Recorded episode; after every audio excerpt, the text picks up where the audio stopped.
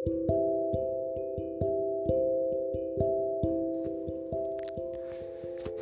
uh, Bismillahirrahmanirrahim. Assalamualaikum warahmatullahi wabarakatuh. Waalaikumsalam warahmatullahi wabarakatuh.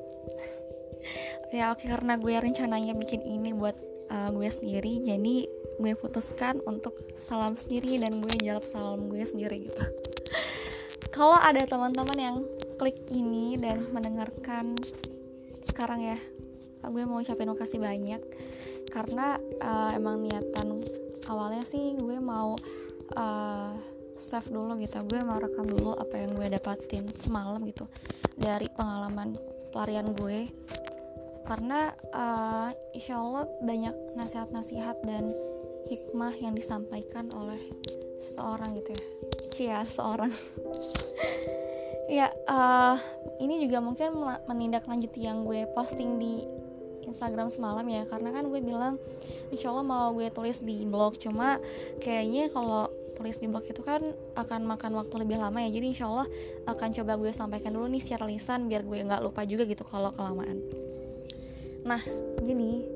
Oh ya sebelumnya uh, alhamdulillah nih gue semalam tuh mencapai rekor baru. Rekor baru dalam dunia pelarian seorang Senli gitu ya ya tembus di angka sekitar 6,7 kilo. Yang sebenarnya target gue sendiri pun cuma di angka 6 kilo aja ya. Dan kalau lebih dan kalau lebih ya pengennya lebih dikit aja gitu. Nggak banyak-banyak gitu kan. Yang gue rasa ini kebanyakan gitu. Di apa ya kebanyakan menurut gue lah.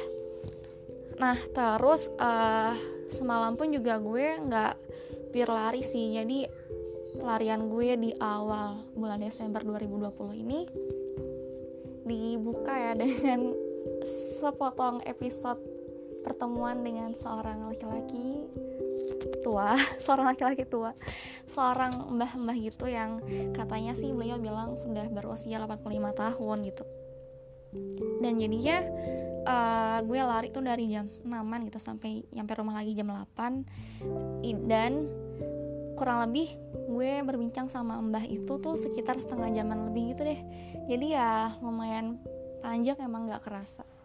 Oke jadi uh, gue mulai ya. Nah uh, kan gue itu lari dari rumah menuju taman mini dan emang gue rencana uh, buat muter-muter dulu gitu kan di depan pintu masuk taman mininya tuh biar uh, nyampe tiga setengah kilo dulu gitu. Baru gue boleh balik ke rumah karena kan uh, kalau gue balik dari taman mini ke rumah itu kan dua setengah kilo kan. Jadi kalau gue udah tiga setengah kilo di taman dua setengah kan jadinya 6 kilo ya. Nah terus uh, sebenarnya sebelum nyampe depan taman mini itu gue berencana untuk berhenti dulu tuh di halte gitu kan. Gue mau duduk sebentar selonjoran karena ya udah gitu kan mau istirahat gitu. Dan itu emang posisinya dia ada di bawah JPO sebelum taman mini ya mungkin sekitar 20-30 meter lah sebelum pintu masuk taman itu. Tapi uh, mendekati gue ke halte itu gue ngeliat kan ada orang lain juga gitu yang duduk. Laki-laki lah yang gue kira awalnya itu beliau tuh kayak mas-mas gitu kan. Kan serem ya gitu gue sendirian terus gue duduk situ. Lagian nggak terlalu terang juga kan karena emang posisinya udah habis maghrib itu udah agak gelap dan jadi gue putuskan untuk uh, terusin larinya dan nggak berhenti tuh nggak jadi berhenti di situ. Jadi ya udah gue lanjut sampai tahan mini gitu. Nah tapi uh, pas gue lewat kan ternyata uh, beliau udah tua gitu kan. Dan ya udah gue lewat di depannya jalan singgah lari jalan dan ya udah agak membungkuk gitu sambil permisi gitu nah tapi tiba-tiba beliau tuh bilang gini pakai bahasa Jawa gitu ya. Kurang lebih kayak gini. Jangan takut saya bukan orang jahat kok gitu. Kayak terus gue auto nengok dan gue senyumin beliau yang ternyata emang tadi ya udah mbah-mbah gitu. Terus ya udah gue setelah gue ngelewatin beliau gue lanjutin lari gue. Dan tadi ya gue muter-muter di depan taman mini itu di depan pintu masuk taman mini dan sekitar putaran keempat kalau nggak salah ketika gue uh, nyampe di depan yang jalan rayanya itu loh jalan rayanya itu nah gue lihat tuh di situ ada mbah yang tadi yang, yang mbah yang tadi duduk di halte mau nyebrang ke uh, jalur sebelah gitu kan dia mau nyebrang lah pokoknya. Terus sebenarnya sebelumnya itu gue uh, ini sih kayak udah ngelewatin beliau beberapa langkah cuma uh, karena ada perasaan gak enak gue perasaan bersalah gue untuk menebus. Perasaan itu akhirnya gue mundur lagi dan gue memberanikan diri untuk uh, berhenti menyapa dan mengobrol gitu sama beliau. Ya udah gue tanya lah mbah mau ke mana? gitu dari mana? dan sebagainya. Dan yang gue rangkum selama ngobrol dengan beliau itu kurang lebih beliau itu uh, dari Solo dan emang lagi melakukan perjalanan gitu loh ya emang musafir-musafir yang udah gitu jalan aja jalan kaki gitu kan. Dan bawanya pun ya seadanya gitu. Beliau sih kayak bawa alas tidur gitu ya kayak spanduk gitu. Terus ya udah paling air dan sebagainya. Tapi beliau juga bilang berangkat dari Solo pun beliau nggak bawa sangu sih. Nah gue nggak ngerti juga kalau itu. Mungkin kayak tapak tilas tapak tilas gitu ya kali ya. Gue kurang paham dan uh, pokoknya beliau banyak uh, nyebutin tentang wali songo wali songo gitu sih yang kayak perjalanan ke gua perjalanan ke gunung kayak gitu gitu loh. Nah uh, salah satu tujuan beliau itu uh, semalam ya beliau bilang mau ke istana presiden gitu mau ketemu Pak Jokowi. Yang sebelumnya beliau pun juga udah ketemu sama beberapa pejabat pemerintahan kita ya kayak beliau ketemu beliau ke Mabes beliau ke mana ke mana kayak gitulah. Uh, kurang ngerti juga ngapain. Uh, tapi beliau bilang nih uh, yang mau ketemu sama Pak Jokowi itu karena beliau ingin menyampaikan agar Pak Jokowi itu segera menyelesaikan COVID ini selambat-lambatnya di akhir Desember nanti gitu di akhir tahun ini. Karena semakin lama uh, COVID ini tuh akhirnya dicampur tangani oleh kepentingan-kepentingan dan urusan-urusan politik gitu kan.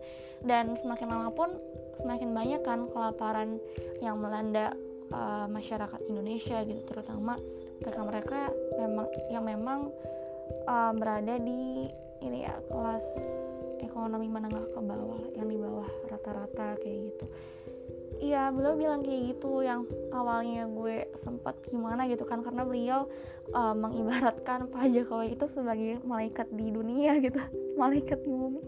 Mungkin karena posisinya ya sebagai presiden kita dan ya mungkin emang itu bahasa kiasan sih. Atau ya gue ngerti nggak ngerti lah karena beliau emang banyak banget pakai uh, istilah-istilah dan bahasa-bahasa Jawa gitu ya. Nah uh, selebihnya beliau tuh banyak banget uh, kasih tahu tentang nasihat-nasihat kehidupan gitu ya kayak pentingnya ikhlas pentingnya kita yakin sama Allah kayak kayak beliau bilang kan kayak tiba-tiba pas di halte gitu ya ada aja gitu orang yang bawain kentang terus ya orang itu beli bilang ya ini juga titipan gitu dari Allah gitu. Yang beliau bilang ya beliau nggak tahu siapa orangnya tapi ya beliau yakin gitu itu semua pasti Allah yang ngegerakin gitu. Terus bahkan beliau bilang beliau bilang ini juga yang akhirnya menggerakkan kamu terus mbah di sini itu juga pasti Allah kan yang akhirnya uh, mempergerakan kita untuk ketemu di sini. Yang banyak kalau nggak salah eh kurang lebih bilangnya kayak gitulah. Terus juga sebelumnya sebelum ngobrol itu pun mbaknya sempat nanya gitu loh kayak iya tadi kamu takut ya terus gue bilang e, enggak kok mbak gitu kan. Duh gue nggak enak banget. Kayaknya gue kebaca banget kali ya kayak agak-agak segan gitu pas uh, mau ngelewatin beliau. Iya terus ya udah kita banyak ngobrol dan emang lebih banyak beliau sih yang ngasih petuah-petuah tadi gitu. Kayak kita tuh harus ikhlas gitu dalam melakukan hal apa pun ya udah gitu Allah aja yang kita tuju gitu kan. Nggak usah mengharapkan apa pun dari manusia gitu.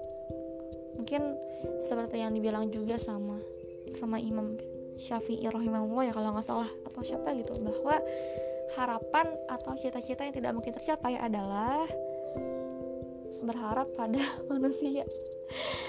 Ya cita-cita dan keinginan yang tidak mungkin tercapai itu adalah berharap sama manusia atau ya kita berharap manusia itu suka sama kita gitu ya itu nggak mungkin kan.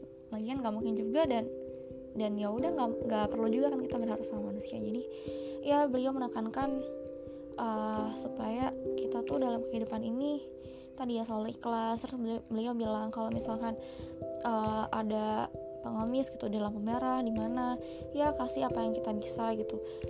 Mungkin kasih seribu berapa itu kan berarti buat mereka gitu. Ya beliau banyak ngajarin kayak gitulah. Terus kayak uh, yakin sama Allah yang tadi gitu kan. Kayak beliau melakukan perjalanan dari mana kan cukup jauh ya. Terus ya udah gitu jalan kaki kan. Ya beliau yakin gitu kan sama Allah bahwa pasti ada aja gitu jalan Allah untuk uh, kayak tadi gitu untuk uh, apa ya menunjang kehidupan beliau selama di perjalanan itu gitu kan. Terus kayak uh, ini sih beliau juga bilang tentang tawasul ya kayak uh, pentingnya tawasul untuk kita memperoleh sesuatu. Kan sebelumnya gue juga ditanyakan kamu tahu nggak tawasul itu apa? Gitu terus caranya kayak gimana. Kan yang gue tahu kan tawasul itu menjadikan uh, suatu ibadah atau amalan sebagai perantara biar kita ini ya untuk kita memperoleh sesuatu gitu kan. Nah kalau yang gue tahu sejauh ini sih uh, dengan ilmu gue juga yang masih sedikit banget gitu kan.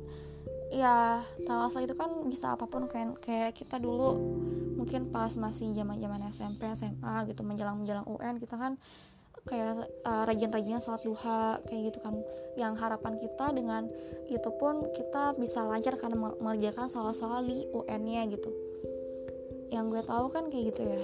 Nah tapi mbahnya bilang ya langsung ini sih beliau langsung nggak spesifikin ke ke zikir gitu. Dan zikirnya pun beliau saranin ini zikir kalimat tauhid ya la ilaha illallah. Jadi beliau bilang ya udah zikir aja gitu misalnya sepanjang malam kamu pejamkan mata terus uh, mulut kamu juga jangan gerak gitu. Karena kata beliau sih hilangnya dalam hati aja gitu. Dan dan syaratnya juga dan satu syarat gitu bahwa hati kita harus kosong dulu gitu harus kosong dulu jangan mikirin apa pun.